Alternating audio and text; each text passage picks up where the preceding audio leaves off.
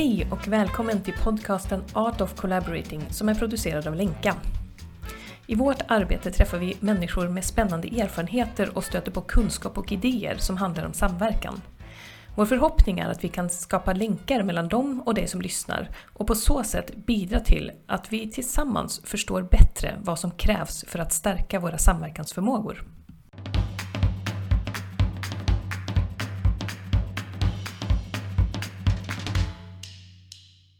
Ja, men vad roligt. Eh, då sitter vi här med, med dig, Alexander Lövgren, eh, och ska prata om din spännande nya bok Smart samarbete mot meningsskapande mikrosystem.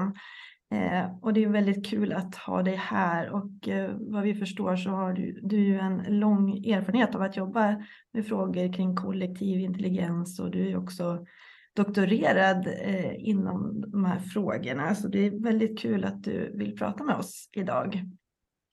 Jättekul att få, få komma hit. Ja, eh, men är det någonting innan vi kör igång som, som du tänker att det skulle vara bra för våra lyssnare att känna till om dig? Ja, jag kan väl bara göra en jättekort presentation eh, av mig själv. Eh, min bakgrund är att jag en gång i tiden doktorerade på KTH inom industriell ekonomi och eh, organisation. Och där skrev jag en avhandling om meningsskapande i organisationer när man inför ny teknik. Eh, och eh, den eh, avhandlingen handlar väldigt mycket om det här med smarta samtalen, hur för man konversationer om eh, organisationers motiv till att eh, genomföra olika strategier och hur teknik kommer in i bilden och hur ska teknik vara en del av att genomföra företagets strategi och hur får man med sig eh, hela organisationen kring det och hur bygger man det här med motivation hos eh, individer och grupper och hela organisationen att vilja vara med på en sån förändringsresa då när man då använder teknik för att ställa om organisationen och sådär. Ehm, så att eh, kring den, de frågeställningarna har jag sedan jobbat eh, både som linjechef och, som konsult eh, med olika stora transformationer och projekt och implementationer av system och omorganiseringar och allt sånt som man kan tänka sig jobba med. Ehm, och eh, den röda tråden kring det har hela tiden varit där, hur, hur bygger vi smarta samarbetsformer för att få det här att funka och hur skapar vi just de här eh, gemensamma arenorna där alla vill kliva in och, och bidra med, med det man kan och, och sådär. Hur får vi liksom motivet för den stora organiseringen och den stora uppgiften att hänga ihop med individernas motivation och sådär. Så, så så på den vägen så har jag samlat massa erfarenheter kring det där och så blev det till slut en, en bok som jag, hade, som jag, som jag skrev eh, och sen så nu, nu är den publicerad så det känns jätte, jättekul. Mm. Ja, vad roligt. Och vi har ju läst den. Den, är ju väldigt, eh, den kan vi verkligen rekommendera och vi ska komma in på den, eh, vad den handlar om och vad vi, vad vi har fått för tankar också om den och vad du har för tankar och sådär. där. men innan vi börjar, du skriver ju också om det i din bok att eh, du tipsar om att göra check-in och check-ut på möten. Mm. Och då tänker vi att vi ska göra check-in. Du har ju också tips på olika check-in-frågor i din bok som vi tittade lite på och då hade vi lite diskussion här kring vad är en bra check-in-fråga? Det är ju liksom, eh, ja det där kan vi prata i evigheter om, men, men Men då, då, då kom jag på en annan fråga nu, för det är ju snökaos ute eller, visst, mm. eller sitter du i Stockholm förresten? Det har vi inte kollat. Upp. Jo, jag sitter i Stockholm, söder om ja. Stockholm. Här. Det är, har vräkt ner snö och det är, det är säkert 50 centimeter här utanför dörren. Ja, just det. Om då tänkte jag så här, vi, man kan fråga, vad är din relation till snökaos? Kom jag på. Spännande fråga. Min relation till snökaos är att när det snöar så vill jag gärna vara inomhus för jag tycker att det, det blir så stökigt och blött och jobbigt. Ja. Ehm, och, men sen när snön sen ligger på marken, då tycker jag det är väldigt trevligt. Sen så mm. undviker jag gärna trafik. Eh, sådär. Så jag går, går gärna omkring och pulsar i snön, men långt från trafik så man slipper bli nedskvätt av snöblask och annat. Mm. Vad bra. Anna då, vad är din relation till snökaos? Ja, vilken intressant fråga. Um, ja, men jag älskar ju verkligen snö kan man väl säga. Eh, jag är uppväxt i Umeå och Gävle så att jag tycker att jag hade ju mycket snöiga vintrar liksom när jag växte upp och ehm, ja men ofta så tog man sig fram liksom oavsett kaos. alltså cyklade eller gick eller sådär. Så det hindrade ju egentligen aldrig eh, från att gå till skolan eller universitetet eller sådana där saker. Så att ehm, ja men jag tycker väl kanske ja men det blir väl lite grann att jag inte tycker att det är någon stor kaos just nu här då i Stockholm. Men, men jag inser ju att det blir liksom påfrestningar på trafik och allting sånt där och snöröjning. Så där. Men ja, dels så kanske jag inte tolkar det som en total kaos och dels så tänker jag väl att man ofta ändå kan ta sig fram och jag älskar verkligen när det blir snö på vintern. Mm. Vad är din mm. relation till snökaos? Eh, ja, till snökaos. Eh, ja, men jag håller med dig lite så här, är det verkligen kaos? Det är ju en bra fråga, men det var lite kaos där jag bor i alla fall. Eh, i, när det började och då, då tycker jag också att det är så kul att det blir kaos direkt när det snöar. Alltså bussar, det var en buss som bara hade ställt sig på tvärs liksom på gatan. Jag kan ändå tycka att det är lite kul på något sätt för det händer liksom lite roliga saker. Det är inte så roligt kanske för den busschauffören, men det var ju liksom ingen olycka på det sättet. Och sen, sen är jag väldigt lycklig över att jag har sålt min bil, för annars hade jag liksom behövt flytta den hela tiden från parkering, från städgator, från parkering till parkering. Då måste jag liksom gräva ut bilen då för att flytt, bara för att flytta den. Och det känns jätteskönt att jag lyckades med det innan det här snövädret kom. Eh, så att jag, ja, jag, jag, känner mig ganska glad och eh, så här, jag känner så här, ja, ingenting kan liksom stressa mig i det här kaoset. så känner jag. Ja, vad spännande. Det var lite olika tolkningar där av snökaos. Då. Eh, men Alexandra, om vi bara skulle komma in på din, din bok som är väldigt intressant. Nu är det här en stor fråga, men går det liksom att sammanfatta lite grann men varför skrev du den här boken? Vad var det som gjorde att du ville, ville sammanfatta de här tankarna? Ja, men det, det är nog flera olika anledningar, men det är, det är väl just det där att eh, jag har fascinerats av eh, att det här med samarbete är ju så ofta det som det står och faller med när man ska göra komplexa saker tillsammans med andra. Eh, och det kan ju låta som en självklarhet. Ja, det är ju självklart att vi måste samarbeta för att få eh, saker och ting att funka och vi ska genomföra en, en svår uppgift. Det kan ju vara på, eh, på, på, ett företag eller i en organisation när man ska genomföra ett projekt eller eh, eh något sådant. Ehm, men det kan ju även vara på det privata planet, att man, eh, man ska göra en ombyggnation hemma till exempel och så är man beroende av en massa olika hantverkare och det ska funka med planering och det ska funka med budgetar och allt sånt. Ehm, så att, ehm, och då tänkte jag mycket på det där, så här, vad, är det som, vad är det som gör att ett samarbete fungerar bra och vad är det som gör att ett samarbete fungerar mindre bra? Så har jag haft den typen av glasögon på mig hela tiden i, i det som jag har gjort på, på jobbet. Eh, både mina roller som, som, som chef och när jag, haft, när jag varit i, som konsult och gjort olika uppdrag hos olika kunder som har varit just mycket så komplicerade projekt och komplicerade transformationer och sådär. Så inser jag det att när jag, när jag har samlat på mig eh, ska säga, olika berättelser och olika, olika insikter om de här sakerna. Att det är väldigt mycket hur vi tar oss an samarbetet som gör att, att det fungerar och att vi kommer hela vägen fram. Mm. Uh, och det är, väl, det är väl det jag har försökt sammanfatta i den här boken. Vad, vad är det då? Mm. Och bara, bara också kanske som en inledning, du skriver ju om mikrosystem. Hur, hur beskriver eller hur förklarar du det, det här begreppet? Mikros. Ja, Ja, det är ju ett begrepp från, eh, från forskningen i kollektiv intelligens som är, man kan säga, det är liksom startpunkten för boken.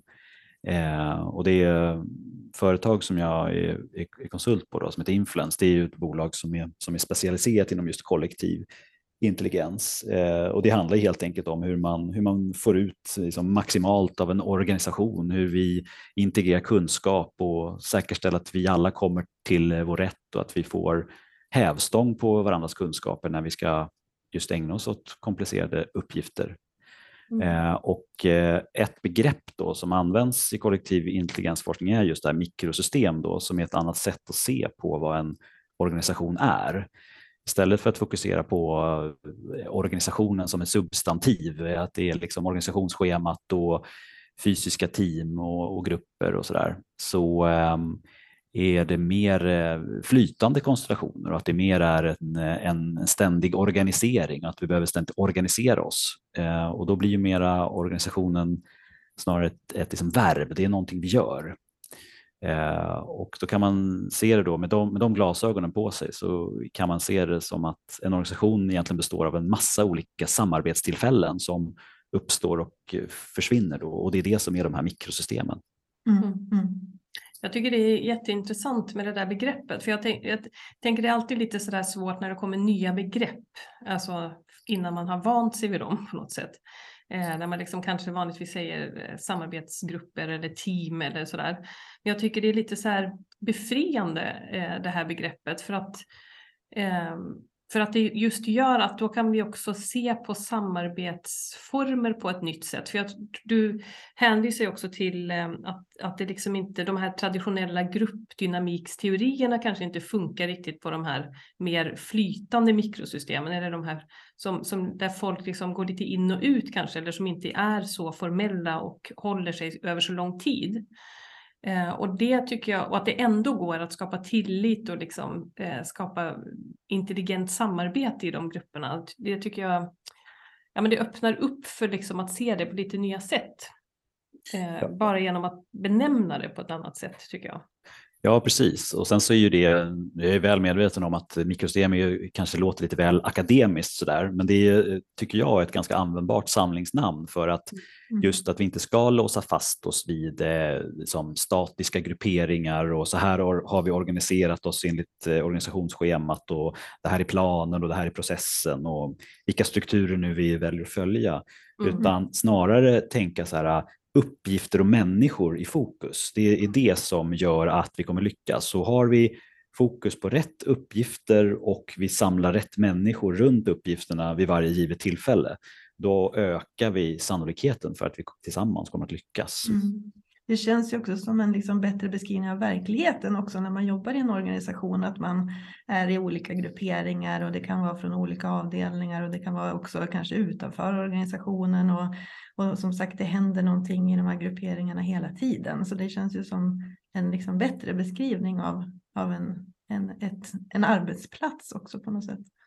Ja, precis. Och det har väl också varit en av Eh, man kan säga nästan att det, var, att det varit en frustration för mig när jag har försökt ta mig an exempelvis då en, eh, eh, en gång jobbade en gång i tiden med en väldigt komplicerad systemimplementation. Eh, och eh, då tyckte jag så att ja, men då är det ju viktigt att vi, vi bygger eh, rätt team kring det här och eh, säkerställer att de har rätt förutsättningar att göra det de ska och så där och liksom går in och jobbar med just en mognadsprocess för, för team och hur, hur ska de bli högpresterande och så där.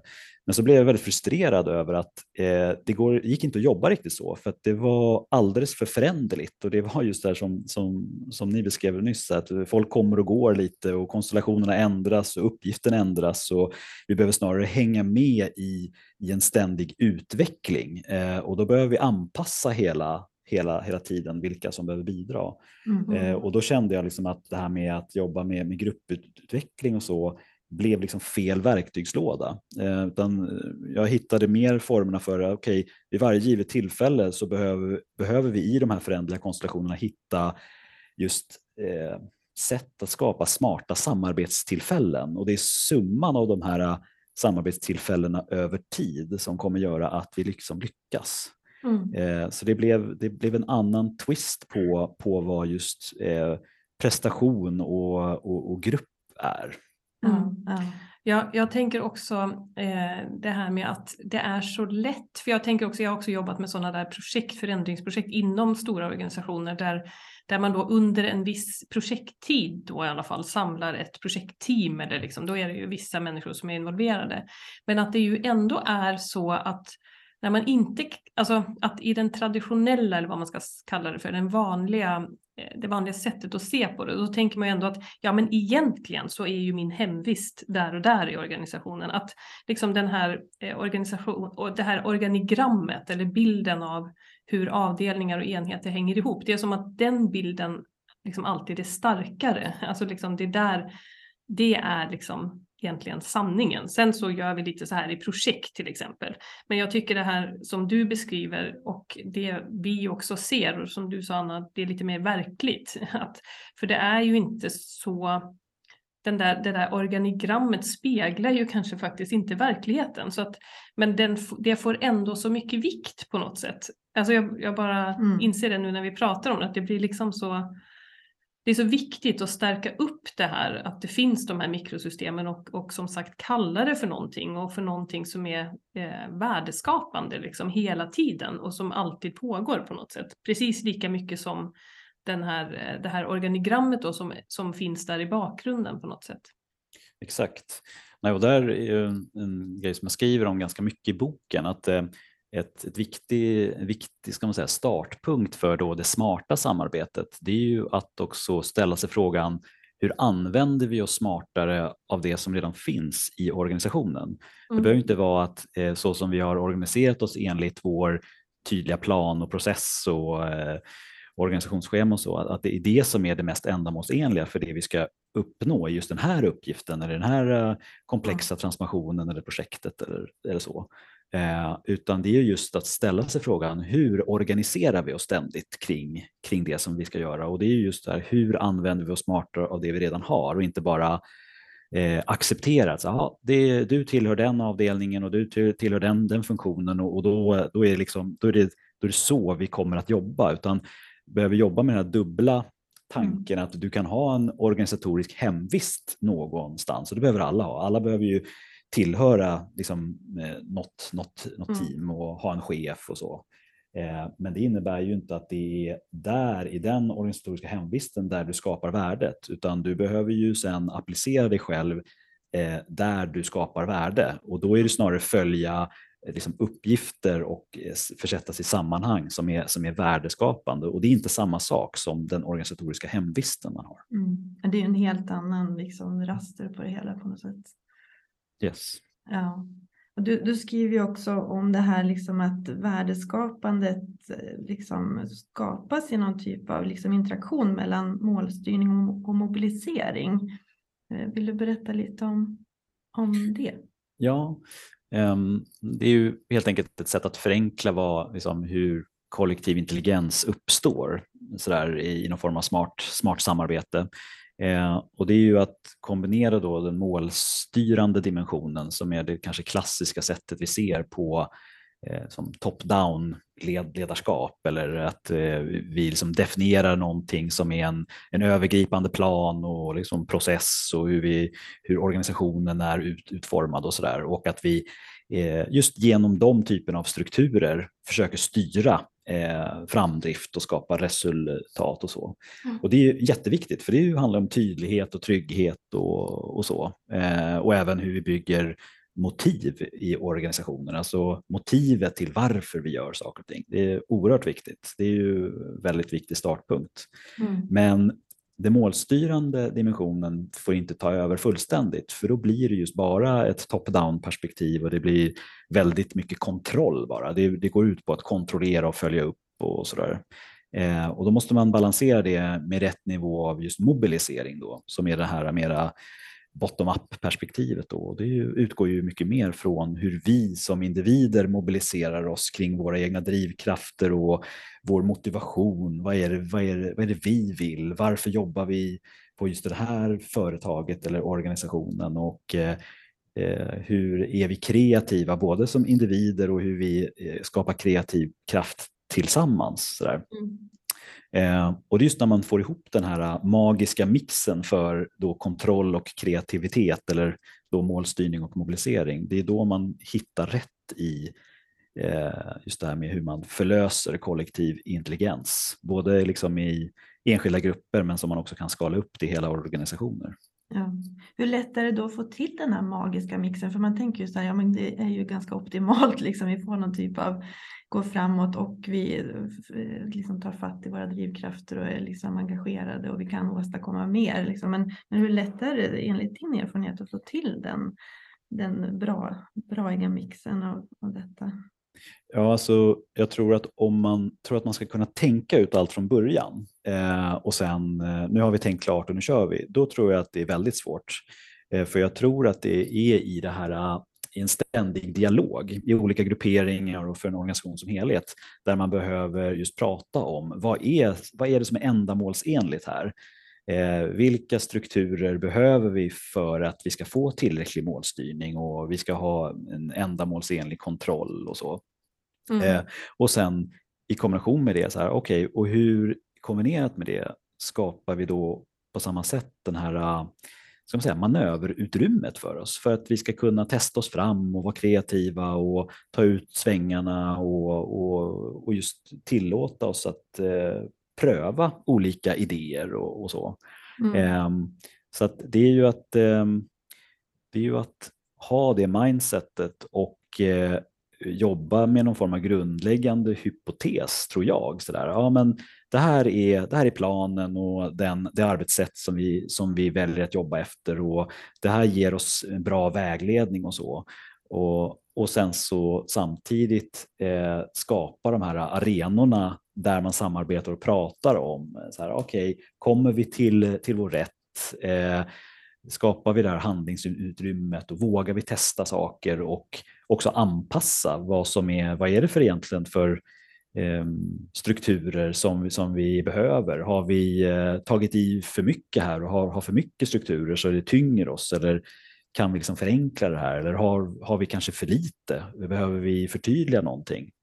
Mm. Så att det är ju att eh, och, och ha det ha den, den dialogen igång så att man regelbundet återbesöker det där så att man, så man hittar rätt.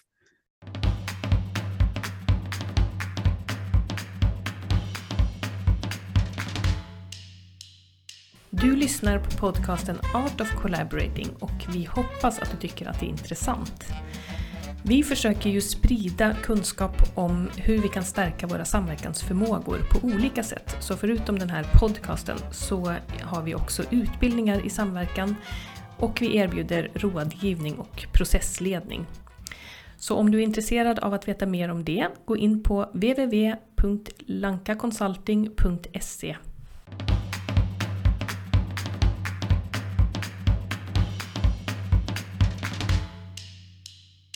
Jag, jag tänker också, det, det är ju så, för det är ju verkligen någonting, det du beskriver nu då, det här att det finns ett, man måste ha den här dialogen och eh, det här liksom skapa mening tillsammans kring någonting då för att få ihop liksom målen eller motiv eller liksom från uppifrån med det som ska göras liksom och den verklighet som finns där i de här grupperingarna och så här.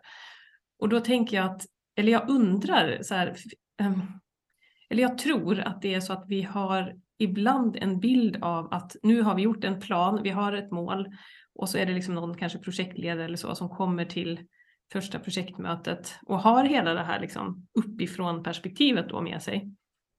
Eh, och sen möter en grupp och sen så blir det helt plötsligt helt annorlunda än man hade tänkt. För det är ju inte så att de bara sitter där och säger ja jättebra idé, ja men det, då gör vi så här. Liksom. Ja, utan jag tror att du har ett sådant bra exempel också i din bok där du beskriver ett sådant möte. Det tyckte jag var lite kul.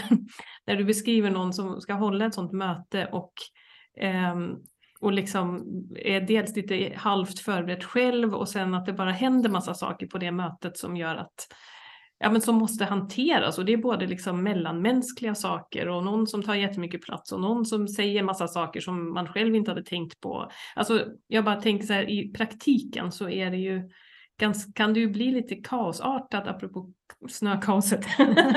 men lite, det kan ju bli lite ja, lite kaosartat faktiskt på de här mötena och man kanske får känslan att man tappar fotfästet lite ett tag.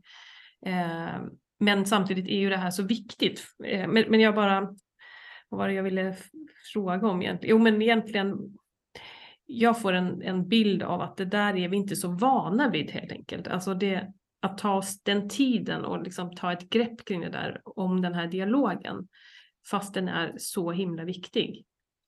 Ja, men jag tror du har rätt. Jag tror att det, det kan kännas lite läskigt att eh, man släpper exempellös eh, diskussioner som blir eh, oavslutade och vi kommer inte fram till något sådär och då känner man, ja men det här, det, då framstår vi som att vi är virriga och har inte koll på läget och man kanske själv känner sig att men jag, jag som då kanske leder det här mötet eller vad det nu kan vara, eh, inte tillräckligt bra ledare som kan, kan hålla ihop det och sådär. Mm. Eh, men jag tror ju att man har mycket att vinna på att också låta låta saker och ting få vara öppna och erkänna för varandra att vi har inte svar på alla frågor och vi kommer ständigt behöva navigera i de här frågorna. Eh, och eh, om vi bara har fokus på att vi vill göra ett så, så bra jobb som möjligt eh, och vi vill eh, såklart, om vi har fått en uppgift eller vi har definierat ett, ett projekt som vi ska genomföra, då är det såklart att vi vill att det ska bli, eh, vi ska fullfölja de mål som, som vi har satt för oss själva eller som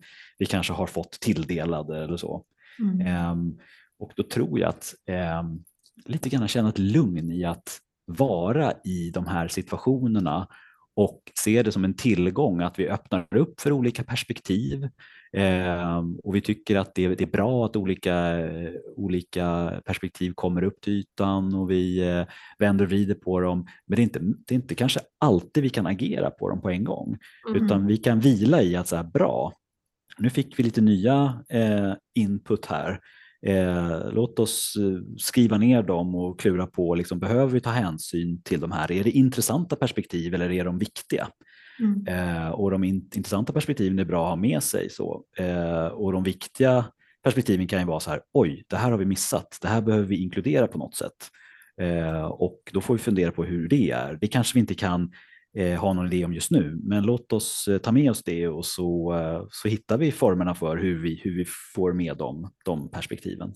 Mm. Ehm, Så jag tror att ehm, både som, som ledare och deltagare i, i just komplexa problemlösningsprocesser eller eh, projekt och så, så tror jag att låta saker och ting få vara öppet och låta saker och ting få vara eh, komplext och liksom vila i det eh, och säkerställa att vi, eh, att vi hittar formerna för att kontinuerligt prata om de här sakerna. Mm.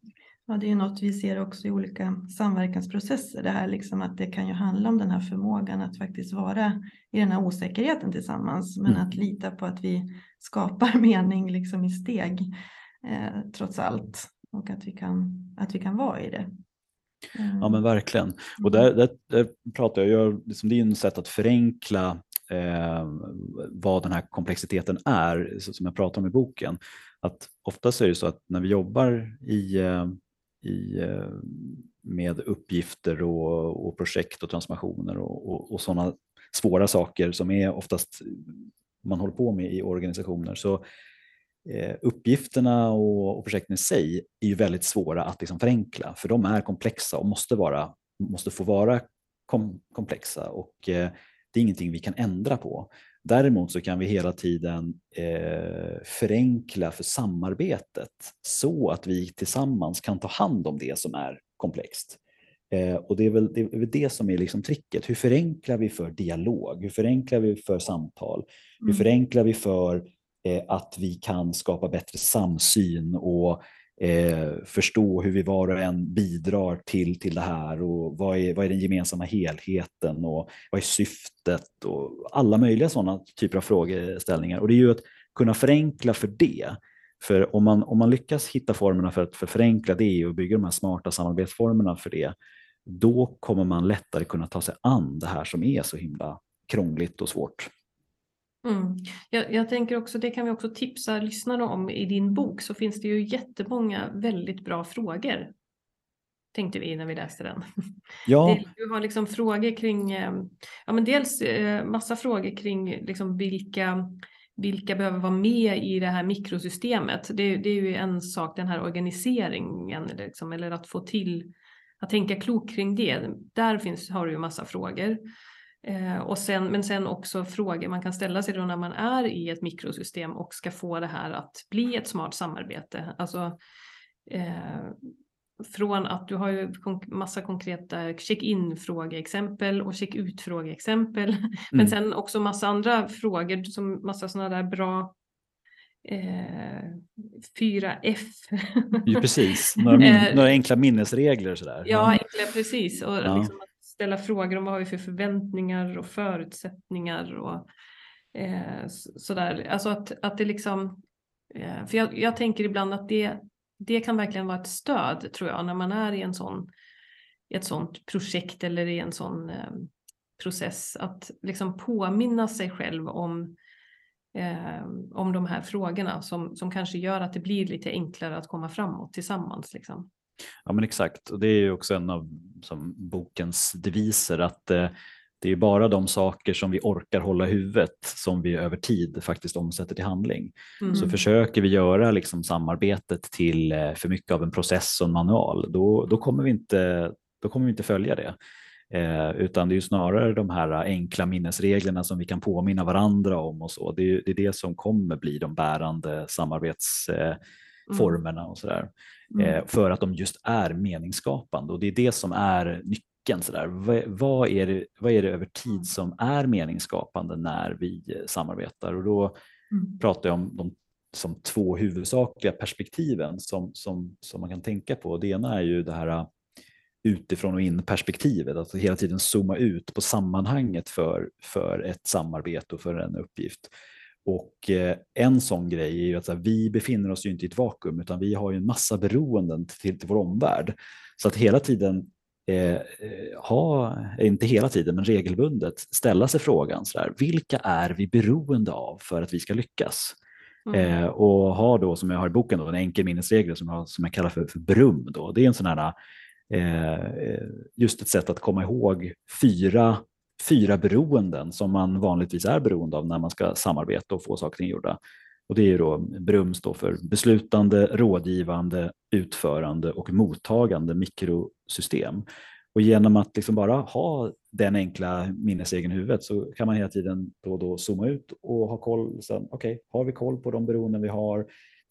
Och ser vi till att se oss själva utifrån och in på uppgiften så att vi inte bara blir för introverta och att det är bara vi som, som, som ska göra vårt arbete så kommer allting bli eh, bra. Mm. Ehm, och sen har jag ett annat perspektiv som är då det här mer inifrån och ut. Då, att, eh, ja, sen är vi ju sen är vi ju massa olika samarbetssituationer och ska göra massa bra saker tillsammans. Då behöver vi ju snarare ha koll på eh, oss själva och tillsammans med andra hur, hur vi navigerar framåt i, i uppgiften. Och då använder jag då mycket riktigt den här 4F minnesregeln då som, som, som ni var inne på, som är helt enkelt så här, har vi koll på förväntningarna på oss själva och det vi ska göra och matchar vi det med förutsättningarna, det, det som vi behöver för att, för att vi ska lyckas. Och, och sen så att man jobbar då med förverkligandet av uppgiften, det vill säga vad, vad gör vi och vad har vi gjort och vad gjorde vi bra och vad gjorde vi mindre bra. Och så Mm. kopplar man det till det sista F då som är förbättringar som handlar om att hela tiden anpassa. Är det någonting som inte funkar så behöver vi anpassa det och då är det oftast att man behöver anpassa en kombination av både förväntningar, både, både för, förutsättningar och eh, förväntningar då, eh, för att de ska hänga ihop bättre. Så att man tänker då utifrån ett, som, som form av arbetscykler i de här fyra F.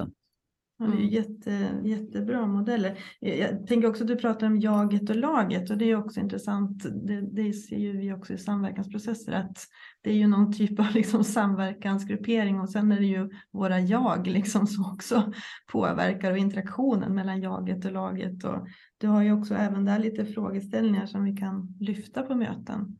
Mm.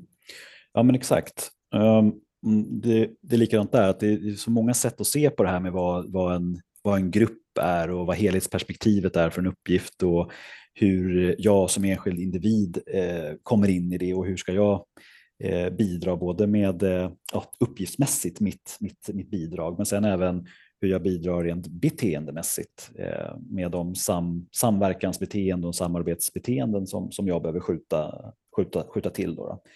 Eh, så att där jobbar jag exempelvis då med en sån här enkel karta och kompass som, som liksom beskriver det här då, utifrån laget, laget och jaget då, och målstyrning och mobilisering. Mm. Eh, och det är ju, det är ju som en, ett sätt att visualisera vad, vad, är, de, vad är de viktigaste perspektiven vi, vi behöver ha koll på. Eh, och sen så att, att använda en sån typ av visualisering då för att kunna föra det här samtalet. Och då är det, då är det vissa nyckelfrågeställningar man kan, man, man kan ställa sig då och göra det regelbundet. Och då ökar man ju då sannolikheten för att det blir ett bättre samarbete, både här och nu i det som vi ska göra i just det här mötet eller samarbetssituationen, men sen också öv över tid hur vi får bättre samarbetsbeteenden i olika konstellationer och mikrosystem. Mm.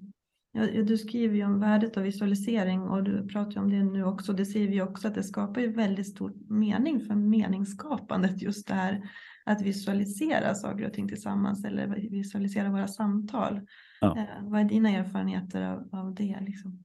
Jag tror att det är helt avgörande för att jag tror att eh, eh, det är en av grejerna för att kunna skapa ett gemensamt språk för samarbete och det är, det är också en sån bärande idé i boken att det är ju mycket kopplat till eh, enkla figurer, modeller som man bygger ett gemensamt språk och man kanske använder gemensamma metaforer och, och eh, minnesregler och sådär.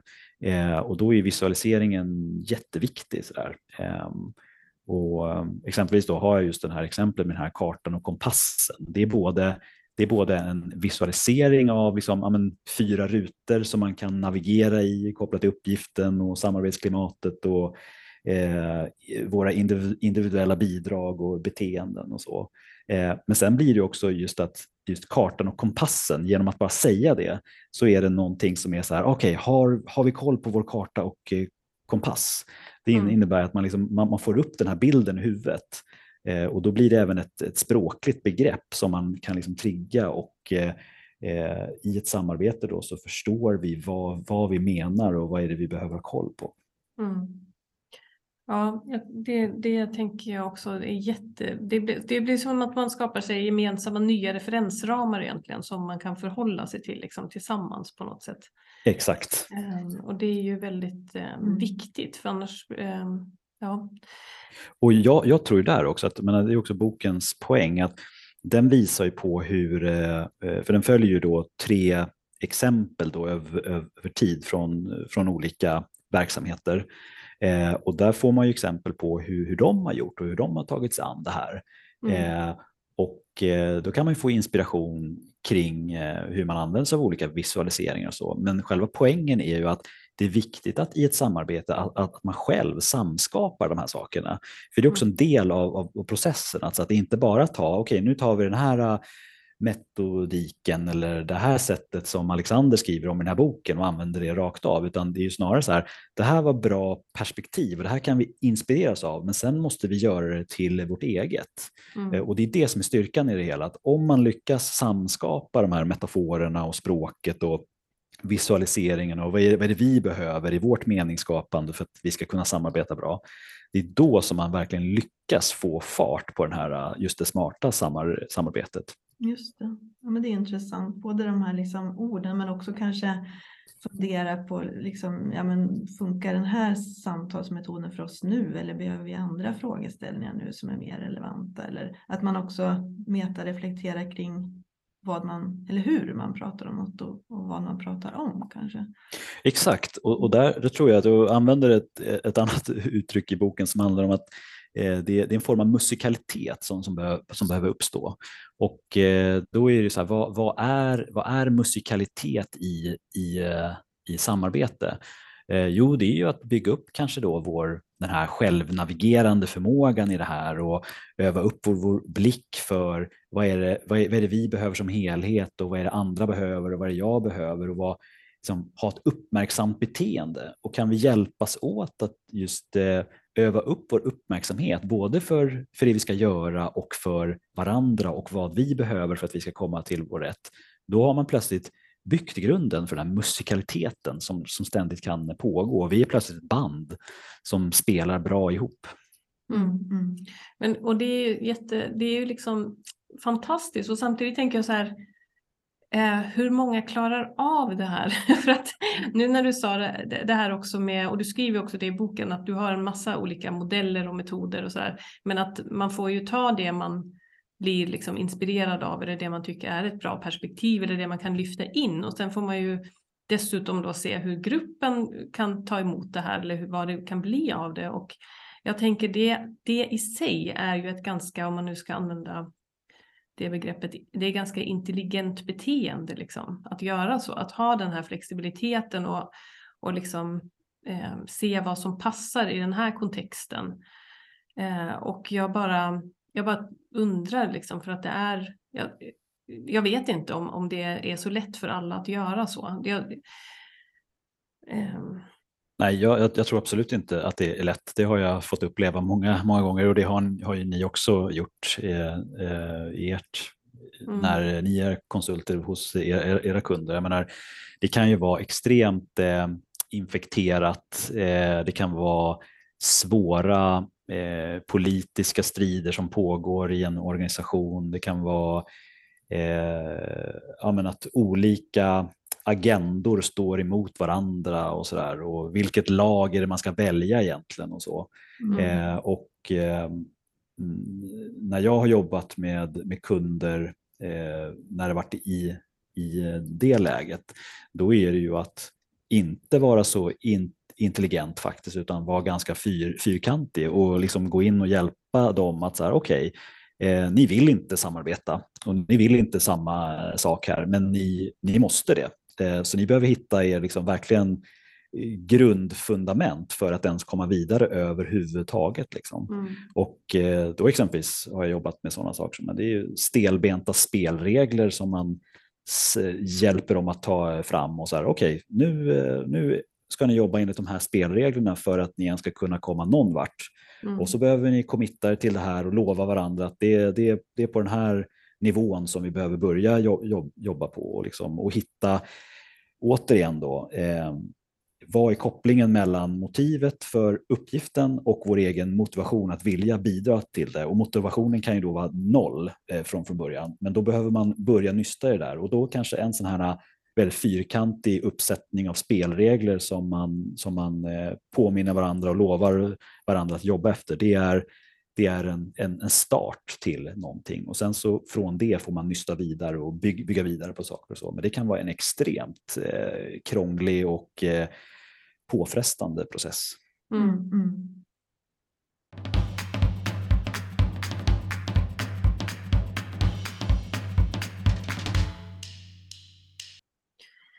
Jag, jag tänker att vi kanske ska börja tänka på att vi måste avsluta snart. men jag, jag, jag, fick sånt eh, bara, eh, ja men vi brukar göra en timeout, det kan vi göra.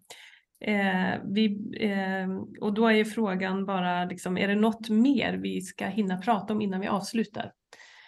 Bara så att vi checkar av det.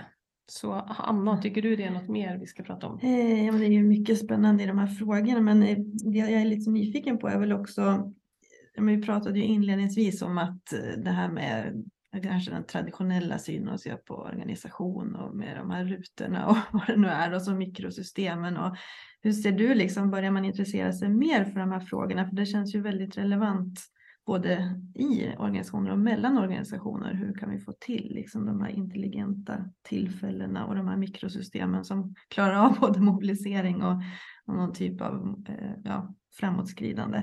Mm. Så, så liksom intressant att höra lite mer Alexander hur du ser på landskapet idag i olika organisationer.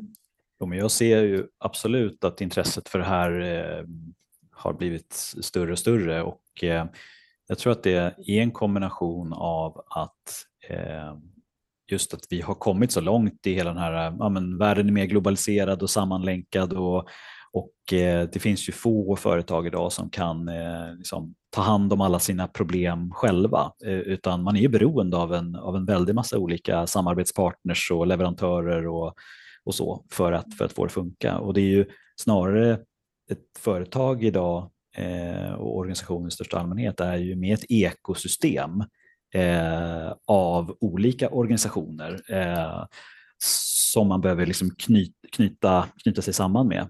Ehm, och genom, genom det så blir ju också eh, förståelsen för att det är i föränderliga konstellationer vi kommer att behöva eh, få det här att funka. Eh, och bara, bara, bara den grejen gör att, att, att det finns ett större intresse för det här. Mm. sen tror jag att Eh, den här lite agila eh, revolutionen som har eh, varit, att man inser ju nyttan med att eh, jobba mer dynamiskt med sin organisering kring värdet och eh, ha det här cykliska sättet att jobba och så. Eh, det har ju också hjälpt till att förstå att eh, det föder ju också en annan typ av eh, organisationsform och snarare då kanske en, en organiseringsform, att, att man snarare fokuserar på, på sin organisering och att den är ändamålsenlig vid varje given tidpunkt snarare än att låsa fast sig i, i funktioner och strukturer och så. Mm. Mm. Så de, de två grejerna har ju gjort att det här med mikrosystem och kollektiv intelligens och eh, smarta samarbetsformer som är föränderliga, det, det blir allt viktigare. Ja, men vad skönt att höra. Eh, Karolina, är det något mer som du skulle vilja prata om? Ehm, ja, men eh, jag, när jag, fick ett, jag hade ett litet, eh, jag har två saker. En, jag hade ett behov av att säga en sak till lyssnarna egentligen, som är ett tips med den här boken. För att det jag också gillade väldigt mycket med den är att du är väldigt eh, konkret med dina tips som till exempel det här med check-in och check-ut. Det är ju något som vi håller på och tjatar om jättemycket och som vi vet också är svårt att liksom sätta de vanorna. Och då, då skriver du också om det här med mikrosystemsvanor, att, liksom, att, att man tränar hela tiden och att man tränar i steget skriver du också. Och det tycker mm. jag är en så bra begrepp igen. Så här, att, bara, att man behöver inte gå på en kurs. Eller liksom, vi, ska inte, vi behöver inte, det kan ju bli så ibland att eh, nu ska vi liksom träna samarbete och sen kommer vi tillbaka och sen är det som vanligt. Men, men att faktiskt träna i det vi gör hela tiden genom att prata om det och liksom, eh, ja, men utvärdera hela tiden. Går det bra eller hur, ska, hur kan vi bli ännu bättre och så där. Så det, mm. jag tycker det är bara väldigt bra tips du har där och även det här med visualisering och sen att du pratar om återbesöka saker. Att liksom har man pratat om någonting att komma tillbaka till det igen och liksom, ja men för, för det är också väldigt, eh, det är egentligen ganska lätt men det görs inte så ofta tror jag för att man tänker inte på det. Men det är ju också ett sånt sätt att befästa liksom nya vanor och beteenden och så. Mm, det var mer, det, det vill jag bara eh, lyfta. Jag vet inte om du vill säga något till det Alexander? Eller? Nej, men jag, jag kan verkligen hålla med och det, det har ju just det här med, eh, med vanor och samarbetsvanor är ju eh, någonting som har fascinerat mig länge. Att, eh, jag själv har ju gått i den här fällan att eh, Eh, om jag, eh, om jag bara som ledare exempelvis, om man ska leda ett projekt, om jag bara är så himla tydlig med alla strukturer och processer och hur vi ska jobba och hur vi fördelar arbetet och så, då kommer allting fungera som en, som en klocka.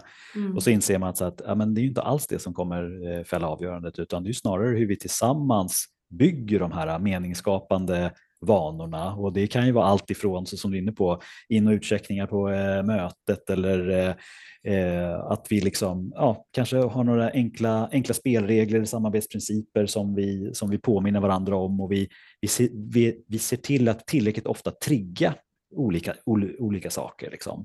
Mm. Eh, ja, men, eh, en timeout som, som, som ni gjorde här nu, liksom. det är en superbra grej och det behöver inte vara att man har någon agenda för det utan bara så här, nu känner jag bara för att vi tar en timeout och bara zoomar ut lite på vad är, det, vad är det vi håller på med här, har, har vi koll på, mm. på rätt saker och så. Och just genom att man bara triggar de grejerna mm. så blir det ju vanor som blir meningsskapande och vi säkerställer att vi pratar om rätt saker. Mm. Eh, och, och, plötsligt så är man igång och då blir inte det här med rätt beteenden blir inte så, så krångligt utan det handlar mest bara om att, att våga trigga saker mm. eh, och göra det repeterbart. Ja. Det var ju väldigt klokt. Våga trigga saker, det tycker jag var ett bra begrepp. Eh, Alexander, är det något mer som du skulle vilja hinna prata om innan vi avrundar? Nej, jag tycker nog vi har pratat om det mesta så där utifrån eh, bokens helhet. Så. Eh, sen är det mycket som, som jag upplever också, precis som ni är inne på, att det är vissa visualiseringar så här, som kanske inte gör sig så bra i, i, i pratformat utan då måste man nog titta på själv och mm. eh, sådär. Så det är, väl, det, är väl, det är väl mer det att om, om man är nyfiken på det här så tror jag att det kan vara bra att snegla på några av de, de, eh, de figurerna så där, för de, de kan trigga vissa vissa tankar kring hur man kan inspireras av och, och använda sig av i, just i, i vardagen. Mm, mm. Får jag bara säga en sak till då? Mm. För att jag fick en annan tanke och det var, vi hade ju ett samtal med Filip Runsten för några poddavsnitt sedan.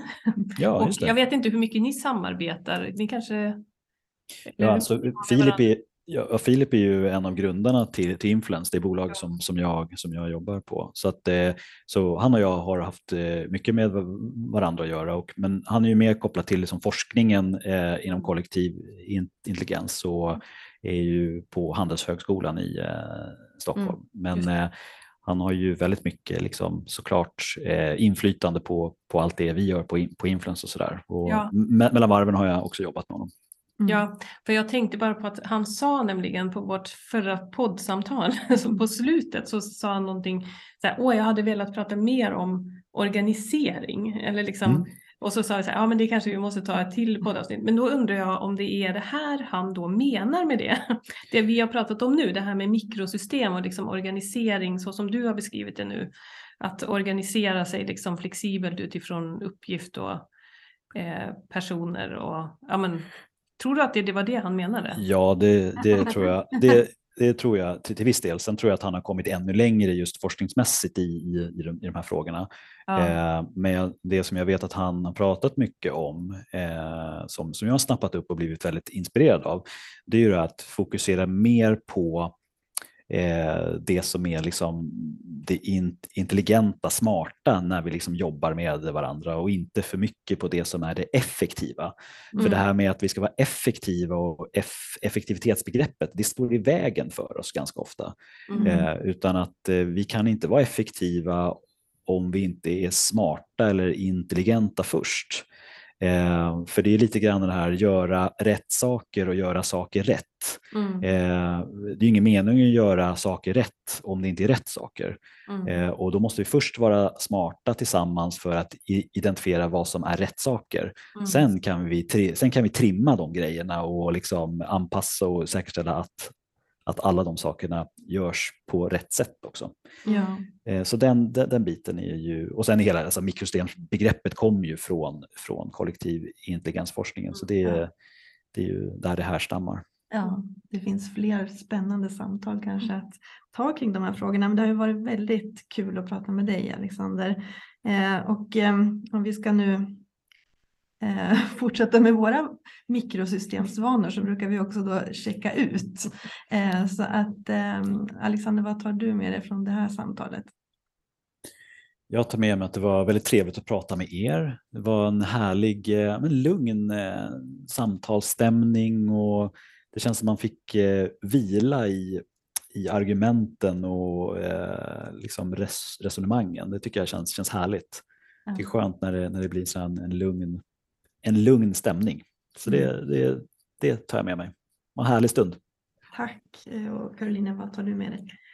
Eh, ja, men jag tar också med mig det att det var ett väldigt eh, avslappnat samtal och, eh, och sen blir jag så glad av att eh, dels att du har skrivit den här boken eh, och eh, sprider det här. Liksom. Jag, jag, tror att det är så viktigt att börja prata om de här sakerna på nya sätt och och även allt det ni gör där med kollektiv intelligens och influens. Jag tänker gud vad härligt att det finns massa eh, konsulter som jobbar på det här sättet. Jag tror att det är, alltså det du sa också med det här med att, att du ser att det, att det pågår en förändring åt ett visst håll och att flera olika saker som det här agila också eh, liksom stämmer in i det. Och det, ja, men det gör mig jätteglad på något sätt och hoppfull. Jag tycker det är ja, det låter härligt. Och du då Anna? Eh, ja men samma sak. Jag tänkte också att det var ett, ett lugnt samtal och jag känner mig också väldigt inspirerad. Jag tänker att äh, men det är verkligen kul att höra om liksom dels all, all, all, all den här spännande metodiken men också att det liksom börjar sprida sig i samhället. Och jag menar, det är ju väldigt eh, relevant kopplat till samverkansfrågorna som vi jobbar med också, de här sakerna. Hur kan vi hela tiden skapa meningsfulla samtal. Eh, och jag tycker också så intressant med den här kombon målstyrning och mobilisering och att eh, ja, men arbeta med det. Det skulle vara spännande också kanske olika samhällsfrågor när man vill driva liksom en stor förändring. Hur kan man jobba i mikrosystem kring de frågorna? Det är bara en sån här spännande eh, frågeställning som jag går med. Så att, och jag tänker att den här boken verkligen känner jag verkligen för alla. Alltså den här vore ju superkul om mm väldigt många läser. Så tack så jättemycket Alexander. Ja, och stort kanske tack. vi kan fråga Alexander, hur, för den boken kan man beställa bara på vanlig bok, på boksidor, eller hur? Precis, den finns där böcker finns att köpa på nätet. Just det. Och om man vill ha kontakt med dig då, kan man... eh, Ja, jag har en öppen profil på, på LinkedIn så där kan man jättegärna ta kontakt med, eh, med mig. Eh, Mm. Så det är bara att söka upp mig, Alexander Lövgren på, på LinkedIn. Mm. Vad härligt. Men då, tack så jättemycket Alexander. Tack.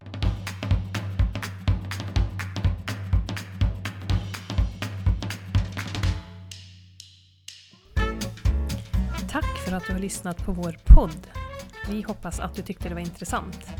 Om du är nyfiken på att veta mer om vad vi gör på Länka så kan du gå in på www.lankaconsulting.se och läsa mer om våra utbildningar, tjänster och publikationer.